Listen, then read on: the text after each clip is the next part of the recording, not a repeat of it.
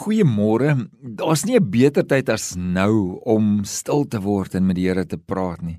Ek wil graag 'n paar oomblikke met jou praat oor gebed. Daar is min mense wat met eerlikheid kan sê dat ek is heeltemal tevrede met my gebedslewe, maar eerder, ja, ek weet dit skiet te kort. Dit kort eerder 'n goeie oplewing. Jy is 'n gelowige, maar jy weet dat jy beter bidder kan wees en dis so waar vir my ook. As dit by my kom in 'n gebedswarrior, skiet my lewe ver te kort. En dan kom daardie skuldgevoel want ek voel ek bid nie genoeg nie en ek weet baie mense is saam met my, maar waarom het soveel mense eintlik 'n gebrekkige gebedslewe? Is dit miskien omdat ons nie weet hoe om te bid nie of bid ek op die regte manier, bid ek dalk te lank of te kort of te sag of te hard nie? Hoe moet ek dit doen? En baie mense weet nie hoe om te bid nie. Baie van ons raak verveeld en die afleidings is te veel wanneer ons probeer bid. Dalk het dit al met jou ook gebeur. Baie van ons dink dat ons versoek is dalk net te klein vir God.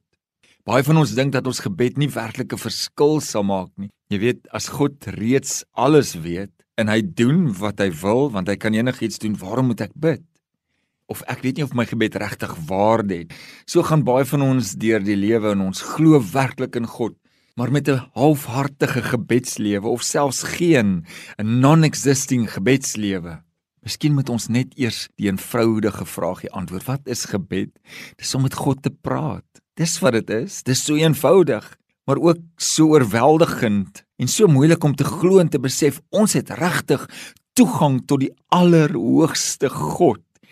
Hebreërs 4 vers 16 nooi ons hy sê ons kan met vrymoedigheid na die troon van genade gaan sodat ons op die regte tyd gehelp kan word.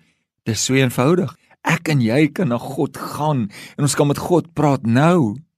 Psalm 5 is 'n psalm van Dawid. Hy sê: "O Here, luister na my woorde. Let op my versigtiging. Gee ag op die stem van my hulpgroep, my koning en my God, want tot U bid ek." Dawid bid.